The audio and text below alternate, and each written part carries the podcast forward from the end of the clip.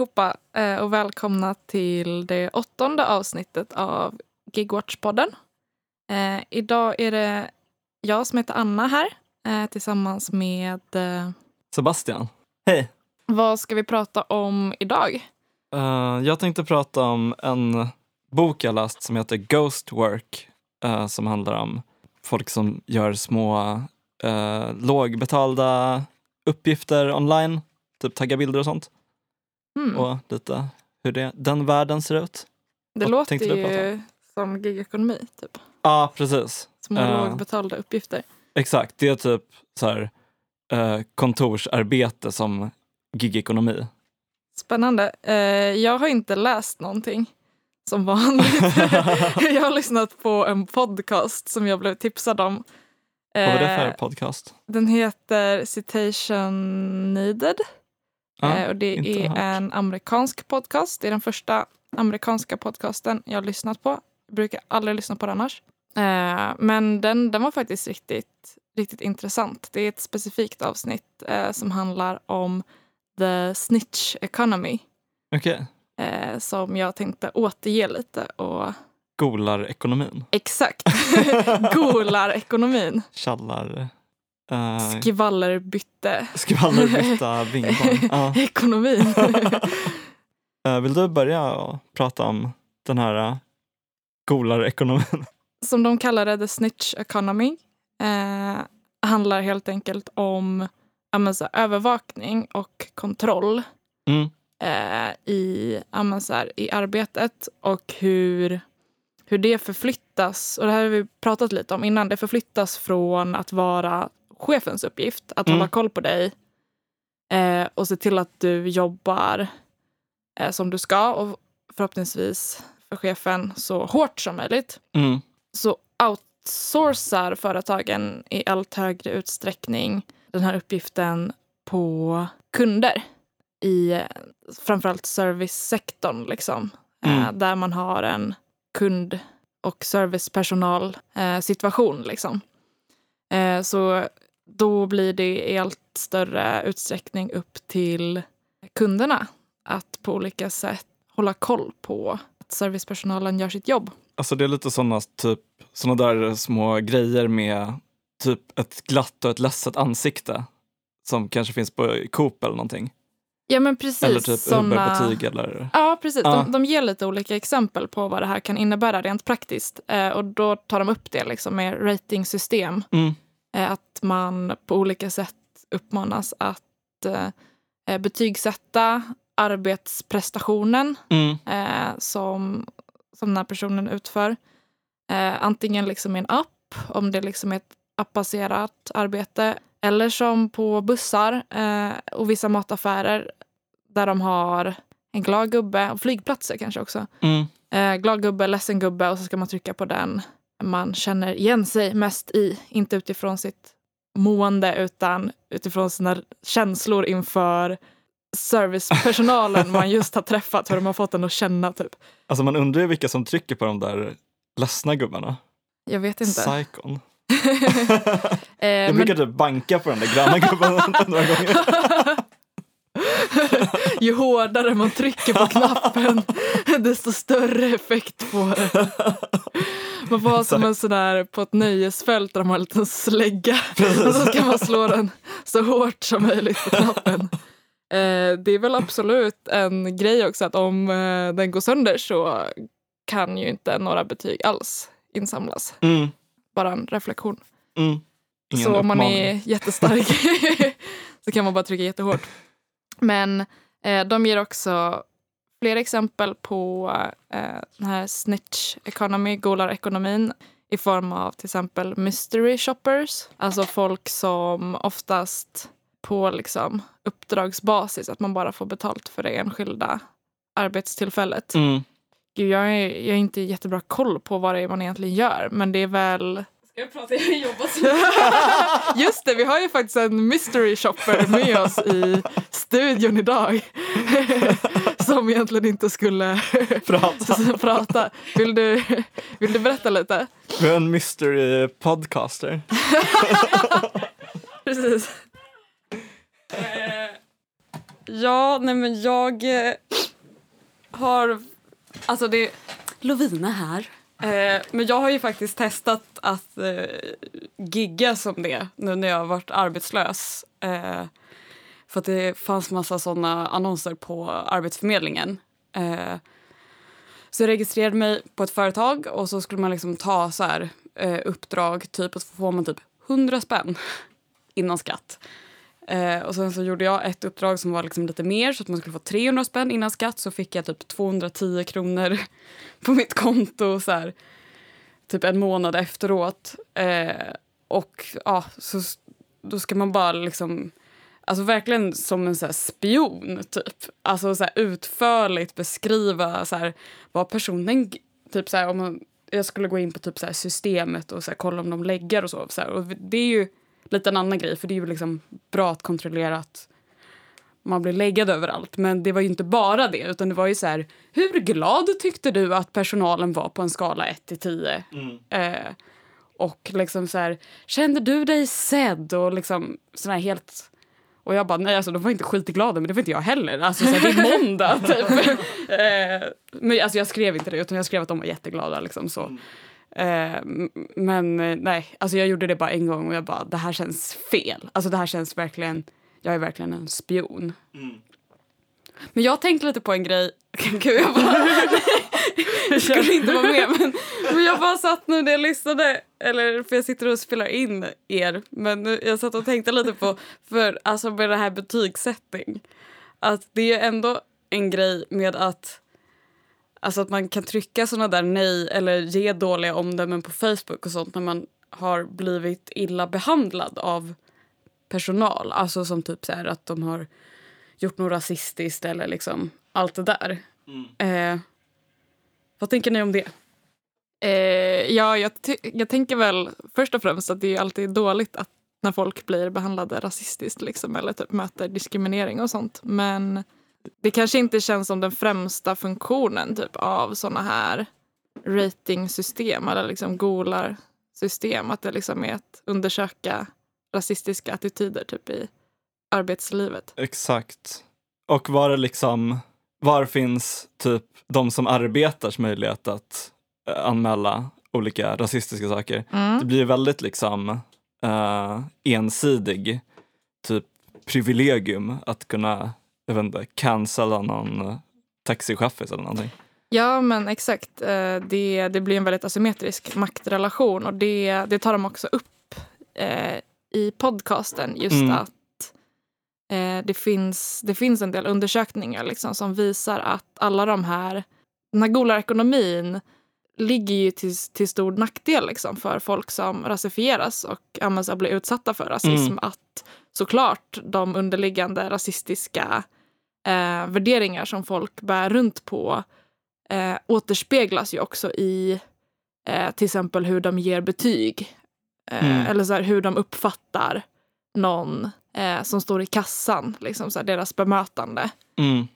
Ja, men I den här podcasten så, så funderar de också lite kring så här, okay, men varför, varför väljer folk att delta i det här? Eh, varför vill man vara en... Säga att betygsätta folk och så? Ja men exakt. Ja. Så, varför vill man vara en snut ideellt? alltså så varför Därför vill man liksom gå runt och hålla koll på typ att så här, folk gör sitt jobb som så här, en chef. Mm. Eh, fast man inte ens får någonting alls för det egentligen. Alltså man gör det här på helt ideell basis. Det är, det är liksom som, eh, det är som så här, polisens volontärer om ni har sett det någonstans på någon demonstration och så är det ofta så här kanske 65-åriga gubbar. eh, som, jag vet inte, de kanske bara skulle så här, gå runt och hålla koll på läget om inte man fångade in dem typ och satte på dem reflexvästar så att de så får en tydlig uppgift att ha. Uh. Men det är så himla sjukt typ att det är någonting man inte ens... Man kan liksom inte ens skylla på att det här är mitt jobb. Jag, jag är chef eller så här, jag är polis för att så här, jag behöver ha mat på bordet. Utan så här, jag gör det här av ingen anledning alls. Men att det de reflekterade över var väl att för många blir det ändå liksom en liten maktkick typ att kunna känna att okej, okay, jag, även om jag har extremt lite makt över mitt liv, eh, mm. eh, över liksom så vilka beslut jag ska ta, över hur jag kan leva och att man är så totalt alienerad från sitt arbete. Man har liksom ingen koppling till eh, så här, kanske platsen där man bor eller liksom så här, vad man håller på med. Mm. Eh, allting är liksom bara kopplat till superlånga produktionskedjor eh, från olika delar av världen eh, som man aldrig egentligen har sett. Men att så här, i den här specifika situationen när man är inne på Donken så har man ändå någon som är tvungen att lyda ens minsta vink. Mm. Eh, även om man inte skulle ha råd att ha en egen betjänt så kan man få testa på den upplevelsen en liten, liten stund. Det liksom blir någon slags utlopp liksom för Mm. den, den frustrationen. Verkligen. Det känns som att typ gigekonomin och liksom liknande saker som typ Amazon och sånt, deras framgång bygger så mycket på att folk just ser sig själva som kunder som typ har rätt till en viss service. Eh, och att liksom den typ identiteten på något sätt har liksom vunnit över identiteten som typ en person som potentiellt skulle kunna arbeta på de här arbetsplatserna. Att liksom folk typ ser det som viktigare att de får bättre och bättre service än att typ de generella arbetsvillkoren i samhället förblir typ relativt bra. Mm.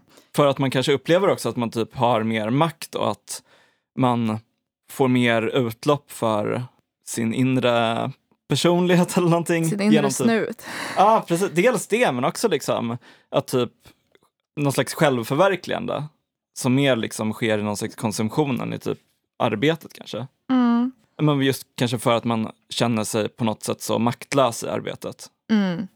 Jag tänker att alltså så här, identiteten som konsument är ju, eller så här, positionen som konsument är ju en otroligt maktlös position. Alltså så här, även om man kollar, inte specifikt i så här, en konsument eller så en kund som kan vara elak mot en servitör. Mm. Utan ur ett större perspektiv kanske så här, okej vad, vad har man för självbild typ av att så här, det det enda sättet man kan göra skillnad typ, i samhället eller så här, det enda sättet man gör avtryck är med hur man spenderar sina pengar.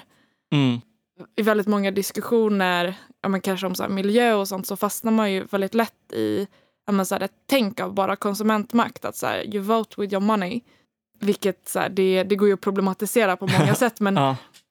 men, men det säger väl också någonting om att så här, du känner liksom inte att du har någon kontroll över eh, men så här, ditt arbete, typ så här, hur det ska utföras. Du har ingen, inget inflytande över liksom, hur ekonomin är organiserad eller så här, egentligen den politiska sfären heller. Mm. Det enda du kan ta kontroll över är ditt privatliv och din livsstil. Och Eh. din shopping. Din shopping, ja men precis för du uttrycker din livsstil genom hur du konsumerar. Mm. Vilket ju är, jag menar, det är så fruktansvärt fattigt. Ja, verkligen. Sen tänker jag en intressant grej Ja. också som jag kommer att prata lite om sen. Är ju också det här med typ, alltså dels att det är så himla viktigt för de här företagen att typ ge sina kunder en bra upplevelse. Mm. Samtidigt som typ, säg till exempel TipTap eller uh, Japster eller en sån app. Eh, de ser ju officiellt även de som jobbar genom appen som kunder eller som Mm. användare. Och där är det plötsligt aldrig lika viktigt att typ se till att folk får en bra service. Vilket kanske säger någonting om hur... eh, Hur genuin den här Ja, kundrelationen exakt. egentligen är. ja, Att det, det är mer än något på ytan. Egentligen vill man ha folk som jobbar åt den. Men i den här podcasten i alla fall så, så kopplar de också ihop eh, det här med, ja, men med ratingsystem, mystery shoppers och så här andra ideella kontrollfunktioner eller vad man ska säga mm, eh, med eh, dricksande. Att de menar Okej. att det är också väldigt, väldigt centralt, typ. I alla fall i USA, där det väl kanske är mer utbrett eh, än, det, än det i Europa och Sverige som grundläggande sätt liksom, att flytta över så här, övervakningen av och utvärderingen av huruvida typ restaurangpersonal gör sitt jobb bra mm, från chefer till kunder och blir också ett sätt för, för företagen att kunna spara jättemycket pengar.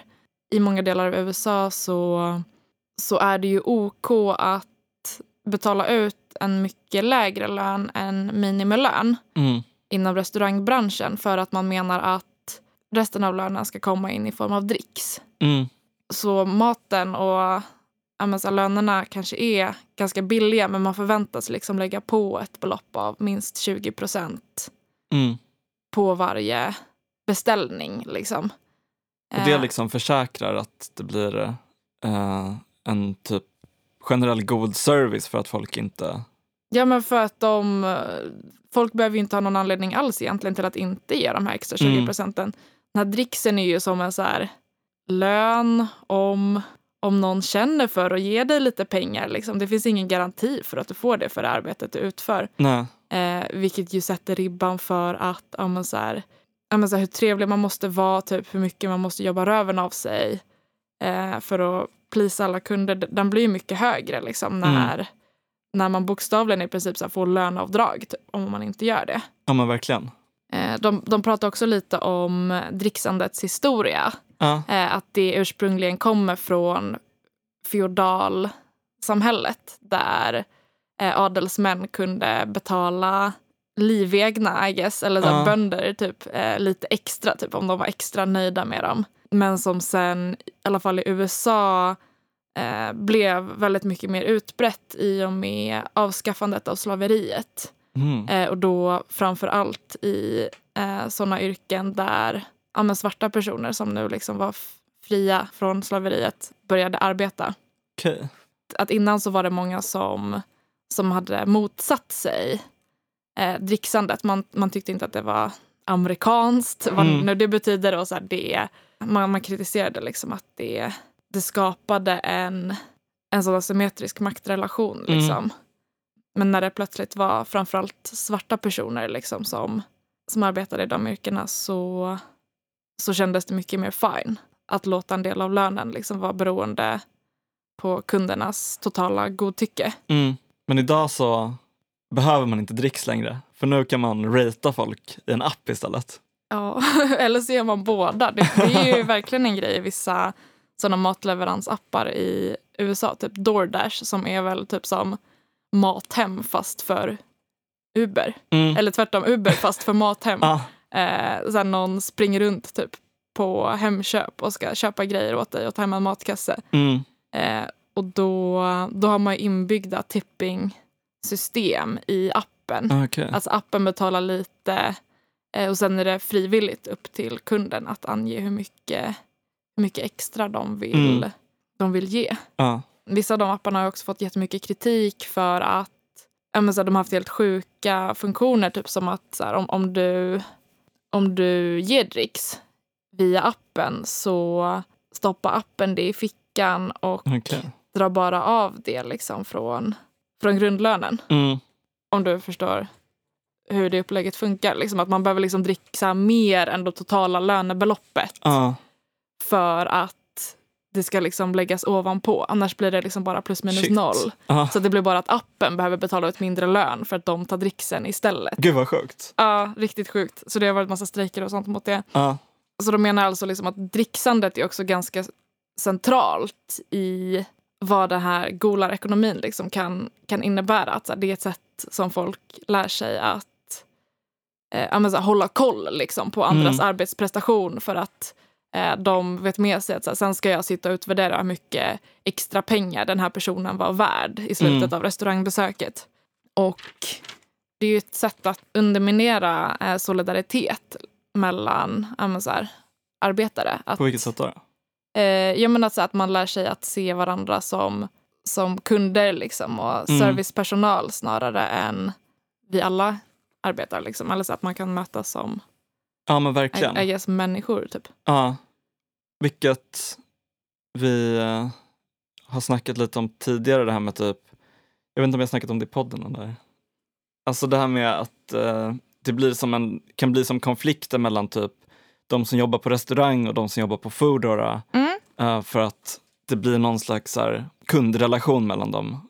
Eh, Just det, ja, men man, man lär sig man matchar inte tid och sånt. snitcha på varandra. Jag tror inte Ja. att vi har tagit upp det i podden. Det är nog jag som har pratat om det utanför podden. Men jag hade faktiskt tänkt ta upp det exemplet. Okej. Eh, för jag tyckte att det var ganska illustrativt. Mm. Så jag har en bekant som jobbar på Max, Mm. Max hamburgerrestaurang och som har pratat om det att så här, de har ju avtal liksom med Foodora och Uber Eats och alla de här eh, matbudstjänsterna.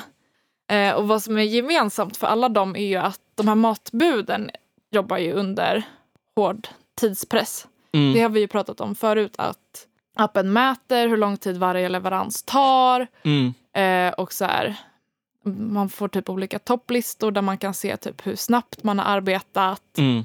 Eh, och levererar man för långsamt då kan man få sparken. Liksom. Det är väldigt, i många fall väldigt otydligt eller så här godtyckligt liksom, vad, vad det egentligen är som utvärderas eller liksom, var ribban ligger. Utan det enda man vet är att så här, det måste gå jävligt snabbt Mm. eh, om man vill behålla jobbet. Men eh, grejen är att eh, personalen på Max jobbar ju också under tidspress. Mm. Eh, de har, ja, men sen när de får en, en, en order från Foodora eh, så har de liksom en mätare som går igång när ordern kommer in som är typ så här, du har två minuter på dig att fullfölja den här ordern. Eh, sen, var, sen ska den vara klar eh, för utlämning. Eh, och ja, men så den här tiden, eh, tidsspannet de har, det är, det är inte realistiskt satt. Det är liksom Mm. inte satt.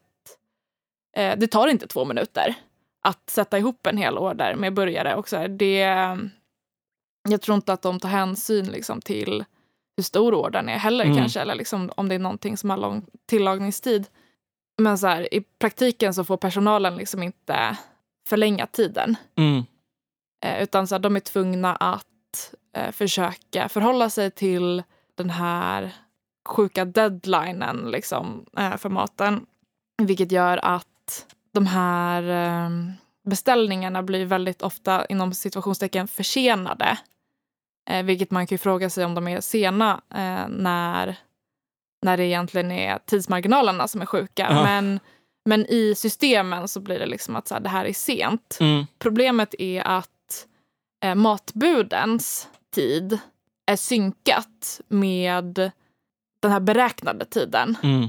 som maxpersonalen har för att förbereda maten. Så Ja. att efter två minuter så startar eh, matbudens klockor. Då börjar deras leveranstid shit. räknas.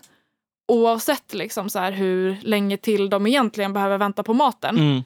Eh, vilket skapar en konflikt mellan eh, personalen i köket och matbuden. För att matbuden står och bara, vad fan, nu, nu har min tid börjat gå. Nu måste jag ha maten. Mm. Eh, om inte jag ska bli supersen och behöva cykla röven av mig. Eh, medans eh, men kökspersonalen, så här, vad, ska de göra? Alltså, så här, Mm. Det är inte de som har satt de här tidsramarna. Liksom. Eh, och det är liksom- det, är liksom orealistiska. De kan inte göra det på den Ja. här tiden. Det är som en, liksom, ett problem som är i typ tekniken men som typ kommer till uttryck i verkligheten som någon slags konflikt mellan de som jobbar på de olika företagen. Ja, ja men precis. För båda hamnar ju i kläm och sen Ja. liksom blir de arga och frustrerade på varandra. Liksom, för att så här, varför, varför gör ni maten så jävla långsamt? Men Mm. varför, varför hetsar ni oss? Gud Eh, när det egentligen, det är ingen av dem som eh, egentligen kan styra över liksom, den här situationen. Och det känns också som att det är en så himla typ grej som skulle vara rätt lätt att fixa för företagen. Ja, Men att det kanske finns en anledning till att det är så, vilket är att de bara vill att folk ska vara stressade. ja de Vet vill du, ju att folk... management by stress. Ja men typ och så här, vill att folk ska jobba röven av sig. Om man Ja. sätter ett orealistiskt mål som inte går att uppnå så måste man ju alltid ge 110 procent. Mm. Vilket är väl vad alla mellanchefer typ älskar att man ska göra. Ja men precis. Eh, men, och det, jag tänker att det också på något sätt vävs in i den här golarekonomin. Liksom, Mm. Eh, man, man är tvungen att vara varandras chefer. Liksom. Eller men ändå på något sätt bara, men varför, varför jobbar du så långsamt? Varför tar det här så lång tid? Ja, Så här, men vadå, nu är det sent, då får väl du cykla snabbare då. Så här, det är inte vårt problem. man outsourcar liksom chefens surhet till att bli mellan arbetarna. Ja, men precis, vilket är så himla sjukt. Eh, De, eh, I podcasten tar de också upp ett annat exempel på det här med the snitch economy. Mm. Eh, som är att, jag vet inte hur vanligt det här är i Sverige. Jag eh, minns inte om jag har sett det här någon gång. Men tydligen är det vanligt i USA att på typ snabbmatställen så, så finns det en skylt som är så här. Om kassören inte ger dig ett kvitto så får du maten gratis. Mm. Låter det här bekant? Eh, jag känner inte igen det. Nej, jag vet inte. Jag, det lät inte bekant heller. Men så här, tydligen poängen med det är helt enkelt att om man inte får ett kvitto så är det inte säkert att betalningen är registrerad liksom, i kassaapparaten. Ja, Vilket gör att den i kassan kan stoppa pengarna i fickan själv. ah, okej. Så det här är helt enkelt ett sätt att få alla kunder att hålla koll på om personalen stjäl Ah, ur kassan genom att belöna dem med typ en gratis hamburgare om Oj. de upptäcker en stöld. Ja, men jag kommer ihåg typ att för några år sedan kanske, ja men det var bara att eh, de skulle fråga om man var medlem typ på Coop tror jag att det var. Just det, Att jo man men det skulle här få en också kexchoklad. Visst, Och jag tror jag såg någon typ tant så här, kräva en sån där kexchoklad en gång. fy fan. Ja men det är ju också, det är väl också ett sånt exempel liksom på Mm. hur, hur man uppmuntras att övervaka att så här, servicepersonal gör rätt. Ja, precis. eh, utbyte mot vadå? En kexchoklad? Alltså så här, hur jävla lättköpt snut är man? Vi ska se, de hade lite mer exempel också. Eh, Mm. för eller så, för de, de pratade också en del om just det här med att ställa arbetare mot varandra inom restaurangvärlden. Jag har Mm. inte jobbat typ något i restaurang så jag, jag har ingen... På restauranger i USA eh, så är det en grej att man delar upp arbetet oftast mellan eh, servitriserna och typ så här delar ut olika antal bord. Eller så här, sections kallar de. Mm. Jag vet inte om man kallar det sektioner i Sverige. Och att man inte bara delar upp det typ så här. Okej, vi har 20 bord totalt. Vi är fyra personer, alla får fem.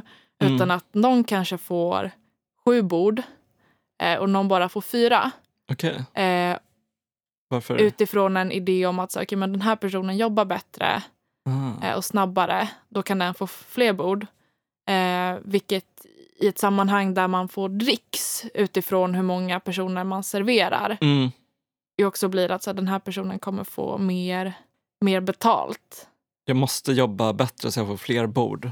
Ja men precis, att du får Ja. fler bord. Det blir som en mini-gig-ekonomi inuti Mm. Restaurangen. Liksom. Att, så här, att borden blir något så här uppdrag. Typ. Ja. Och så ska man försöka kriga, kriga sig till så många uppdrag som möjligt. Och då blir det en konkurrens liksom, mellan, mellan servitriserna. Vem är bästa servitrisen? Vem ska få flest bord? Mm. Istället för att ha typ alla tar lika många och så delar man på dricksen. Ja, Jag ska bara ta ett ytterligare exempel eh, på det här, för jag tyckte att det var väldigt intressant. Också kring, kring kontroll, typ. mm. Någon av dem i podden har jobbat med att rasta hundar. Mm. Där han liksom sett hur de i allt större utsträckning liksom blir eh, kontrollerade ner på minuten liksom, i hur Hundrastarna? Ja, hundrastarna. Shit. Eh, att från början så var det liksom bara, okej men du ska rasta de här hundarna idag. Ja. Eh, skriv upp typ när du har gjort det så vi vet. Eh, men sen började man med QR-koder så att man kunde eh, checka in varje gång man började rasta en hund. Och checka ut igen när man har rastat den så att det gick att övervaka exakt hur många minuter den här hundrastningen pågick. Oj, okej. För att så här, hundägarna hade ju faktiskt betalat för exakt 30 minuter hundrastning och då ska de få det också. Var det via någon typ gigapp eller? Eh, Ja, eller jag vet inte. Det var någon amerikansk grej. Ja. Men, men det som är um, intressant är att exakt så här är det ju till exempel i hemtjänst också. Mm. Eh, jag som har jobbat lite i hemtjänst kände ju igen det väldigt mycket. Att man också, man kanske inte en QR-kod, men man har någon slags blipp liksom vid varje dörr Mm. eh, när man eh, gör ett besök hos någon och så ska man logga in och logga ut exakt den tiden som det här besöket är tänkt att ta. Mm. Vilket också är ett så himla sjukt sätt att styra över någons arbetstid. Mm. Eh, för då är det liksom någon som har suttit och gjort ett schema eh, och, och typ så här, bara, åh du har 22 minuter på dig att duscha den här personen. Sen har du en kvart på dig att vara hos nästa. Utan någon som helst hänsyn liksom, till dels att amen, olika saker kan ta olika lång tid. Mm. Eh, vissa personer kanske har fler behov en viss dag och behöver extra hjälp. Eh, men också att så här, det är någon på ett kontor typ, som har suttit och så här, fabulerat ihop ett schema som, som jag är tänkt att följa när de så har ganska liten insyn i vad arbetet verkligen går ut på. Ja men verkligen. Varför ska jag behöva göra saker i en viss ordning typ om, om jag vet att så här, ah, men den här personen borde inte jag gå till först för att eh, den är morgontrött. Mm. Eh, så de kommer ändå inte vara uppe då. Eh, eller så här, den här personen har redan haft sitt lunchbesök precis, så varför ska jag gå dit Ja. igen? Jag borde ta det senare. Eh, eller så här, de här personerna bor precis bredvid varandra, så varför kan jag inte ta dem efter varandra? Mm. Utan så här, istället är det någon schemaläggare liksom, som har lagt 50 andra scheman den dagen Mm. och som förväntar sig liksom, att vi ska slaviskt följa det här schemat som de liksom höftat ihop. Typ. Ja. Eh, och som i vissa fall inte ens gick ihop. Att, Nej. ja, men så här, att en insats kunde liksom börja innan nästa slutar. Man skulle vara klar 20 över hos någon och börja 18 över hos nästa. Ja. Det funkar inte. Nej, det gör ju inte det. Eh, men att det då också blir någon så här, också sjukt att prata om kundrelationer typ med omsorg, men, men att man, man har ju verkligen velat odla på det.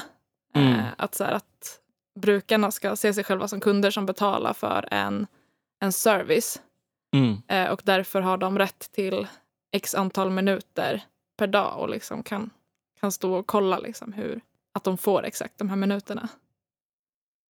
Liksom så här, anledningen till att alla de här det här ideella polisarbetet, det här goleriet, eh, har någon som helst effekt på ens arbetsprestation är ju att det finns ett underliggande hot om att man kan få sparken. Det här skulle ju inte mm, vara lika effektivt i ett samhälle som inte var otroligt prekariserat. Nej, verkligen. Alltså så här, vem bryr sig om någons betyg på dig om, om det inte liksom hade någon effekt på, på dina chanser att få arbeta kvar? Liksom. Jag skulle ju torka mig i röven med det. Mm. Verkligen. Och typ att många av de här apparna och sånt har väl typ att om du får kanske tre lägsta betyg på en månad så stängs det automatiskt av. Um, alltså i de appar där det inte ens råder något liksom arbetsgivarförhållande och du inte får sparken utan bara stängs av från appen. Ja men precis, du, eh, du får bara inga nya uppdrag. Mm. Tycker du golarekonomi, är det, är det ett användbart begrepp? Ehm, ja, på ett sätt i och med att det verkligen blir den här liksom förskjutningen av hela kontrollsystemet från att ha varit det här ganska liksom eh, från toppen och ner. Den här liksom klassiska att du typ är en fabrik och sen så på en liksom avsats på våningen över så är det ett kontor där man står och kollar ut över fabriken. Mm. Man behöver inte vända folk mot varandra på samma sätt. Medan här blir det liksom ett slags utbredande av att folk kontrollerar varandra i samhället. Det finns någonting där. Ja, jag tänker att det är väl, eh, det sätter väl ändå fingret på någonting också så här, som man kanske behöver göra upp med i sin egen självbild. Mm. Hur tänker du då? Vill man vara en golare? typ? Ah, Vill man bidra med det? Även om liksom avskaffandet av det här golarsamhället såklart inte kan bygga på att alla slutar polisa varandra. mm, Eh, och att det automatiskt skulle försvinna då, men att det ändå, ändå är någonting man, man aktivt kan välja att delta i mer eller mindre. Typ. ja, och också typ men, eh, hur man ser på sig själv i relation till eh, de här typ jobben. Mm. Eh, alltså om man ser sig själv som typ en betalande kund som alltid har rätt. Eller om man ser sig själv som en person som liksom i grund och botten befinner sig i samma position som de här människorna. Och eh, att typ analysera grunden till de typ konflikter som uppstår i sådana situationer. Mm. Att det är inte för att för att fordra är lata eller whatever, eller maxarbetarna är lata, utan det är för att det är byggt för att inte matcha. Det är så mycket lättare att ta ut frustration på människor som man möter på ett sätt i alla fall, face Mm. to face, än på Mm. en liksom, abstrakt algoritm eller whatever. Mm. Det pratade de också om i poddavsnittet, just att eh, när, när, när företag blir så himla stora och ansiktslösa och liksom den som egentligen kanske är inflytande sitter på ett kontor jätte- jättelångt bort Mm. om man är frustrerad över att något inte funkar så, så här, då, är det, då är det allra lättast liksom, att ta ut den ilskan på den stackaren som, som råkar stå i kassan eller som sitter liksom, i, i kundtjänsttelefonen typ, Mm. eh, och som inte har någonting med det att göra egentligen. Eller liksom så här, inget inflytande i alla fall över varför det ser ut så. Verkligen. Eh, men att de på något sätt ingår i deras arbetsbeskrivning att vara någon slags krockkuddar liksom, emotionellt för, för den frustration folk bygger upp varje dag. Mm. Jag tänkte prata om, man skulle kunna säga lite motsatsen nästan av vad vi pratade om nyss. Mhm. Det här med att ehm, det är liksom de som dyker upp face to face som faller offer för den här frustrationen. Eller? Jag tänkte istället prata om de arbetare som kanske är några av de mest osynliga i gigekonomin. Mhm. För jag har läst en bok som heter Ghost Work, eh, spökarbete, eh, som är skriven av en antropolog som heter Mary Gray och en datavetare som heter Siddharth Suri. Och den är från förra året tror jag. De här personerna är båda anställda vid Microsoft, något Microsoft Research Center eller något sånt, så den kanske inte är helt neutral. Men de har i alla fall skrivit om typ folk som jobbar inom det som de kallar för då spökarbete, kan man väl översätta det till.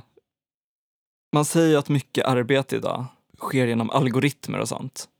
Att det finns någon slags artificiell intelligens. Det är inte helt sant. För att typ alla de här algoritmerna, typ Google-sökningar och sånt, eller eh, det som Uber vill göra, att de vill skapa självkörande bilar. Det bygger liksom på att typ Google kan läsa ett ord och koppla det till olika bilder. Om du söker på soffa så ska det dyka upp soffor och inte stolar. Och det här är ingenting som man kan typ skriva in någon kod som får Google att känna igen allt som ser ut som en soffa.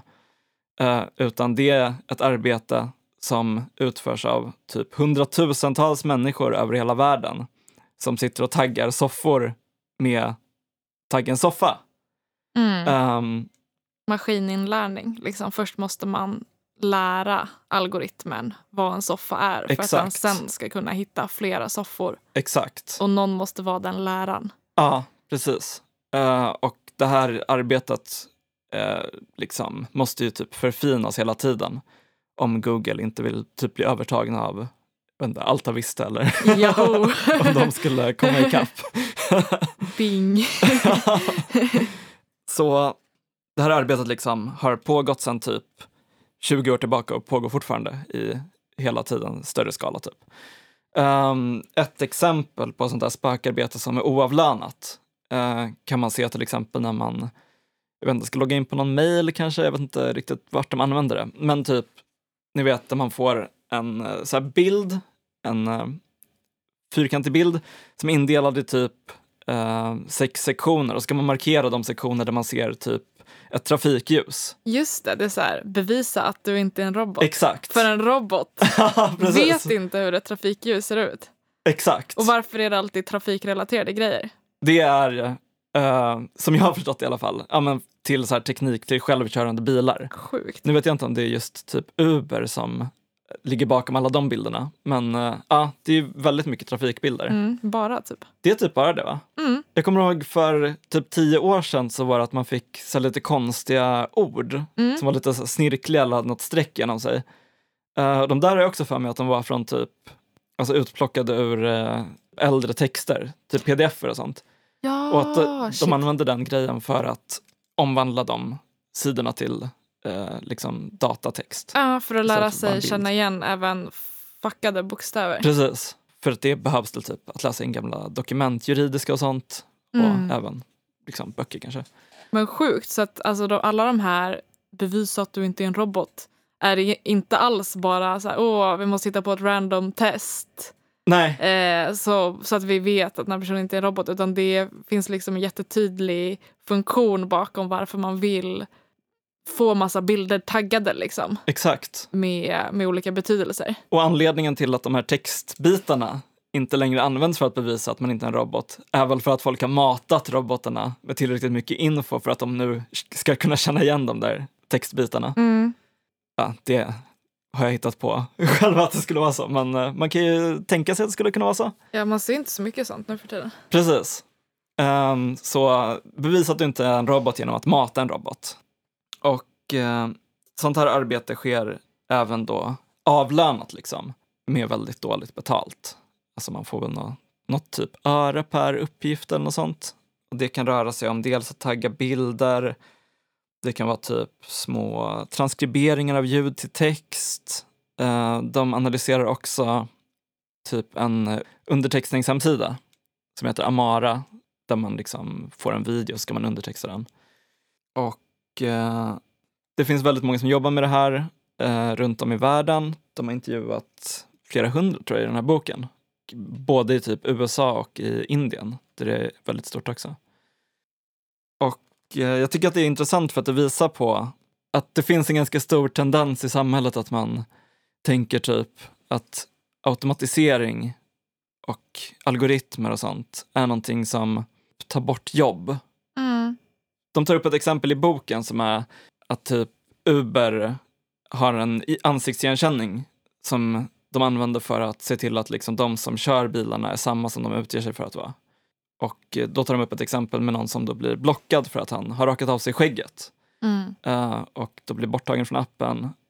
Och när han anmäler det till Uber för att han vill komma tillbaka till appen och kunna jobba, då skickar de iväg det här uppdraget via en sån här plattform till någon som sitter i Indien och som jämför hans nya bild med hans gamla bild, kollar att det är samma person. Det är kanske är en uppgift som hade liksom utförts av någon mellanchef eller någonting i en annan situation. Men det som den här teknologin gör är att den liksom, den avskaffar inte arbetet utan den flyttar runt det och flyttar det till eh, folk med liksom lägre lön. Eh, den flyttar runt arbetet i alla fall. Mm, det blir liksom på samma sätt som man kunde outsourca fabriker liksom till Exakt. typ Kina eller Bangladesh så Mm. kan man nu också outsourca typ kontorsgrejer. Precis. Och det här är ju extra stort för liksom, ja men i den engelskspråkiga världen eftersom där har de landet Indien, eh, där de flesta typ talar engelska. Det det. är väl officiellt språk. De har väldigt många andra språk så det är väl det som används typ administrativt. Eh, de är såklart mycket lägre lön eh, för att det är ett låglöneland. Liksom. Eh, I Sverige vet jag att det finns, jag har för mig att det är någon taxi, något taxiföretag som har typ sin kundtjänst i Rumänien Mm. eller Moldavien eller något sånt. Och där sitter det liksom folk som ja, men kommer därifrån och som har lärt sig svenska för att typ jobba där Mm. och bara kan alla gator i Stockholm. Ja, alltså jag ringde en kundtjänst för några dagar sedan och då var det också pratade med någon som verkade läsa liksom. Ah, Okej, Eh, gud vad det- intressant. Ja, Uh, ja, det är i alla fall väldigt stort i den engelskspråkiga världen. Uh, och eh, ett av exemplen på en sån här plattform som de tar upp mm. är en plattform som tillhör Amazon. Uh, Mhm. Ett uh, kärt nej. företag i den här podden. Inte Amazon. Eh, och eh, det här företaget heter Amazon Mechanical Turk. Det är döpt efter en uppfinning från 1700-talet som kallades för den mekaniska turken. Eh, Okej. Lite problematic kanske. Ja. Eh, det var en, ehm, alltså det var en typ uppfinnare som hette von Kempelen eller något sånt. Som typ, ja men var basically någon slags skön snubbe som bara gled runt och typ gjorde helt onödiga uppfinningar. Så han gjorde till exempel en så här, den första talsyntesen, alltså han gjorde någon fake strupe som kunde liksom säga ord om man tryckte på tangenter. Och sen gjorde han även den här mekaniska turken som var en slags robot som typ hade turban på sig.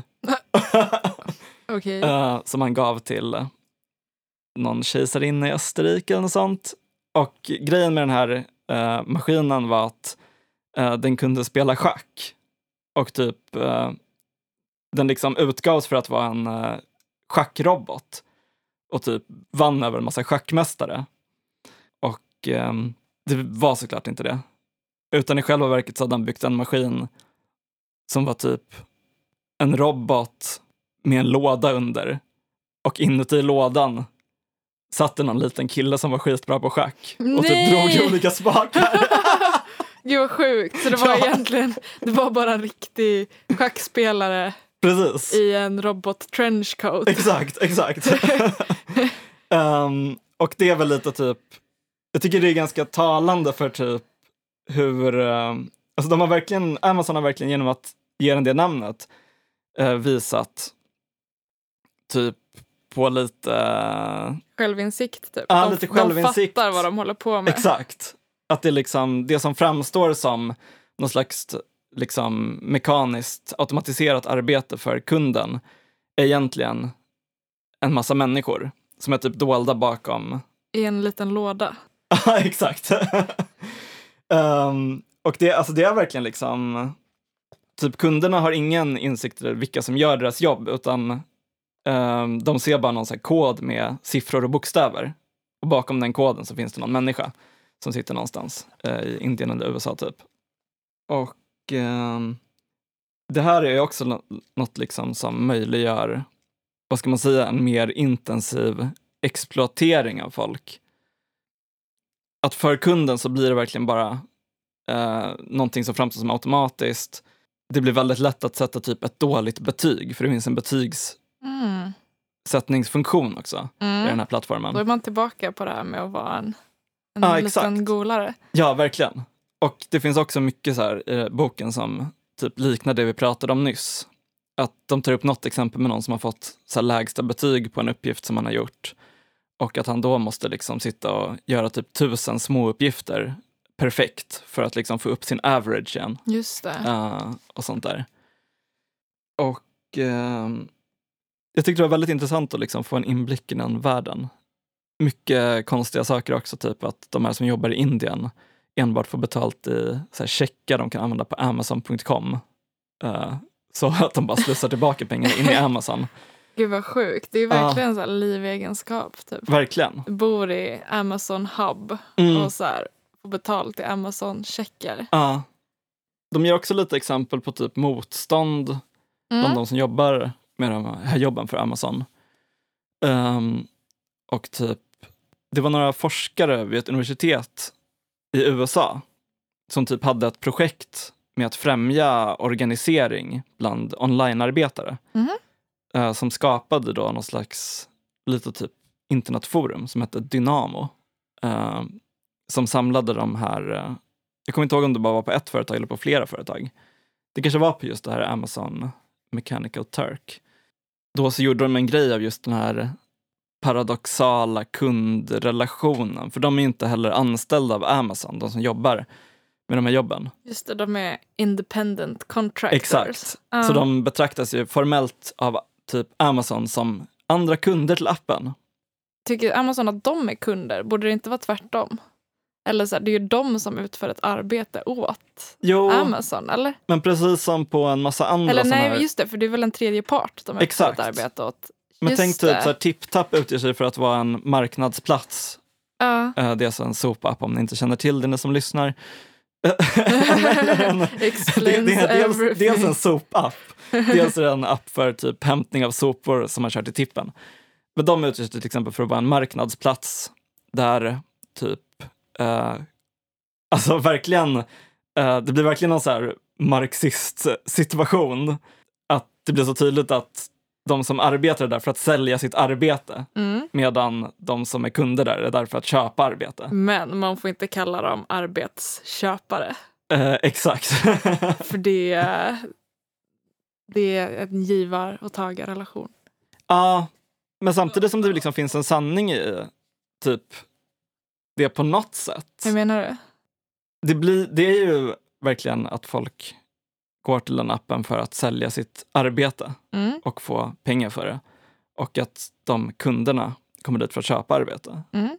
Och att sen typ de inte liksom tar mer värde på samma sätt som en vanlig arbetsgivare utan istället typ tar någon slags liten eh, transaktionssumma som typ på Tradera eller någonting.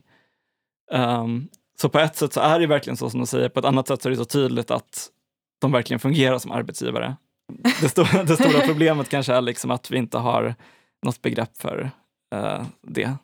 Eh, Alltså, det har vi. Men, Men vad tänker du att vi behöver ett begrepp för? Ehm, men för den här relationen med typ att de kontrollerar en marknadsplats snarare Ja. än typ... Den här plattformskapitalismen typ, som Ja, pratar om. precis. Men eh, hur som helst, eh, så Amazon ser båda, både de som beställer uppdrag och de som utför uppdrag som kunder. Just det. Eh, och eh, deras vd Jeff Bezos har typ sagt i någon intervju att bara, jag är inte nöjd förrän alla våra kunder är nöjda. Vilket de då gjorde en grej av via det här organiseringsforumet ehm, och typ skickade en massa brev till honom.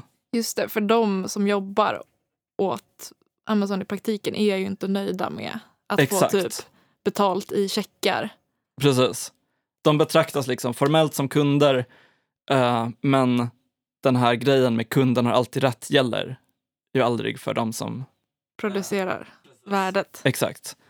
Eh, Och ja, de fick inget svar från Jeff Bezos, men de fick ganska mycket uppmärksamhet i media i alla fall. eh, För en grej som tidigare nog hade varit ganska ouppmärksammad. Just det här uh, spökarbetet. Men hur utbrett är det? Är det många som jobbar? Ha- Hade de någon statistik? Ah. Liksom? Vad är det för typ av personer? Är det liksom så här millennials? Eh, nej, utan det är typ...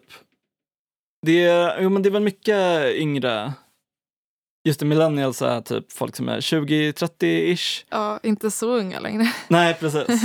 Eh, men det, det är ganska liksom, det är många som är högutbildade, många som har typ en kandidat eller en master från ett universitet, men typ har andra svårigheter i livet. De kanske typ måste vara hemma för att ta hand om någon sjuk släkting eller så. Det verkar ganska vanligt i USA, där de ju har lite sämre sjukvårdssystem. Det finns också folk som typ väljer att jobba där, snarare än att typ jobba inom något mer inom citationstecken vanligt serviceyrke för att det typ också är skit. Just det, för man får typ noll betalt. Ja, Som vi pratade om innan, även av att jobba i restaurang eller Ja, något sånt. precis. Så om valet står däremellan. exakt. Så, Den här invändningen att typ, de kan väl bara ta något annat jobb. Eh, Ja, de kan ta ett annat jobb, men det jobbet kommer vara ungefär lika dåligt. ja. Så typ i USA så är det ganska många så liksom akademiker som inte har möjlighet att typ slå mynt av sin akademiska utbildning.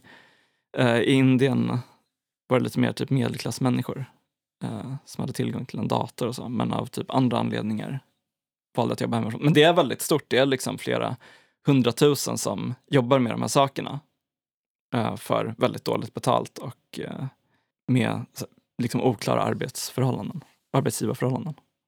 ja, och det blir väl, alltså ghost work är väl verkligen en bra beteckning på det. För det är ju väldigt osynligt. Jag hade typ inte reflekterat över att, eller jag har ju hört det här med liksom maskininlärning och sånt att det, det behövs någon som tränar Mm. algoritmerna liksom. Men, men att det, det är en så stor business Nej, Liksom. Och det måste ju vara skitsvårt att om man inte typ har ett sånt forum liksom, som de hade att få kontakt med andra. ja precis. För man har ju ingen gemensam plattform. Liksom. Om, också om man bara jobbar hemifrån. Inte som i alla fall typ, jag vet inte, folk som till exempel jobbar med taxi eller, eller matleveranser och sånt. Att de ändå är ute på gatorna. Ja. Liksom, utan att man, Nej, man precis. sitter hemma.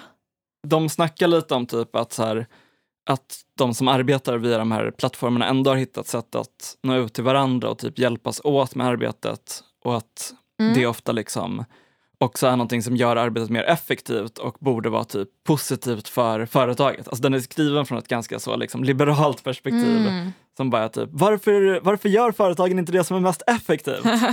Ehm, Varför gör företagen inte det som är mest effektivt? Det är väl för att de får någon slags styrka gentemot de som arbetar genom att inte ge dem typ möjlighet att eh, samarbeta, vilket skulle kanske skapa liksom någon slags eh, också vilja till förändring potentiellt. Ehm, och de ger också liksom några förslag i slutet på hur företag kan typ förbättra sig gentemot sina arbetare. Mm. Då är det väldigt mycket om så här, de måste skapa sätt för arbetarna att kommunicera genom sitt eget interface. Så att de fortfarande kan övervaka det. ja, dels det. Ja. Eh, det snackar de inte så mycket om. Eh, men det skulle ju definitivt bli en implikation av det.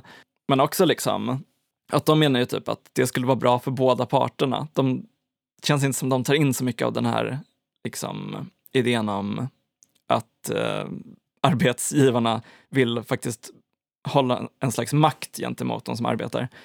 Men jag tyckte också det var intressant för att det de föreslår är ju väldigt så här, enkla lösningar som om man skulle föreslå dem till ett företag skulle vara väldigt liksom svåra att försvara att de inte har utan att typ hänvisa till men vi vill ju eh, vi vill inte att våra arbetare ska träffa varandra för då kan de organisera sig. Då kan de prata om hur skit de har och bli, bli sura. Det skulle inte riktigt kanske gå så bra i media för företaget. Uh, många av de förslag de ger, de är på ett sätt lite så att man tänker det här kommer de aldrig gå med på. På ett annat sätt är förslagen typ, ja, men om man faktiskt skulle pressa för de här förslagen så skulle de liksom ställas mot väggen på ett sätt.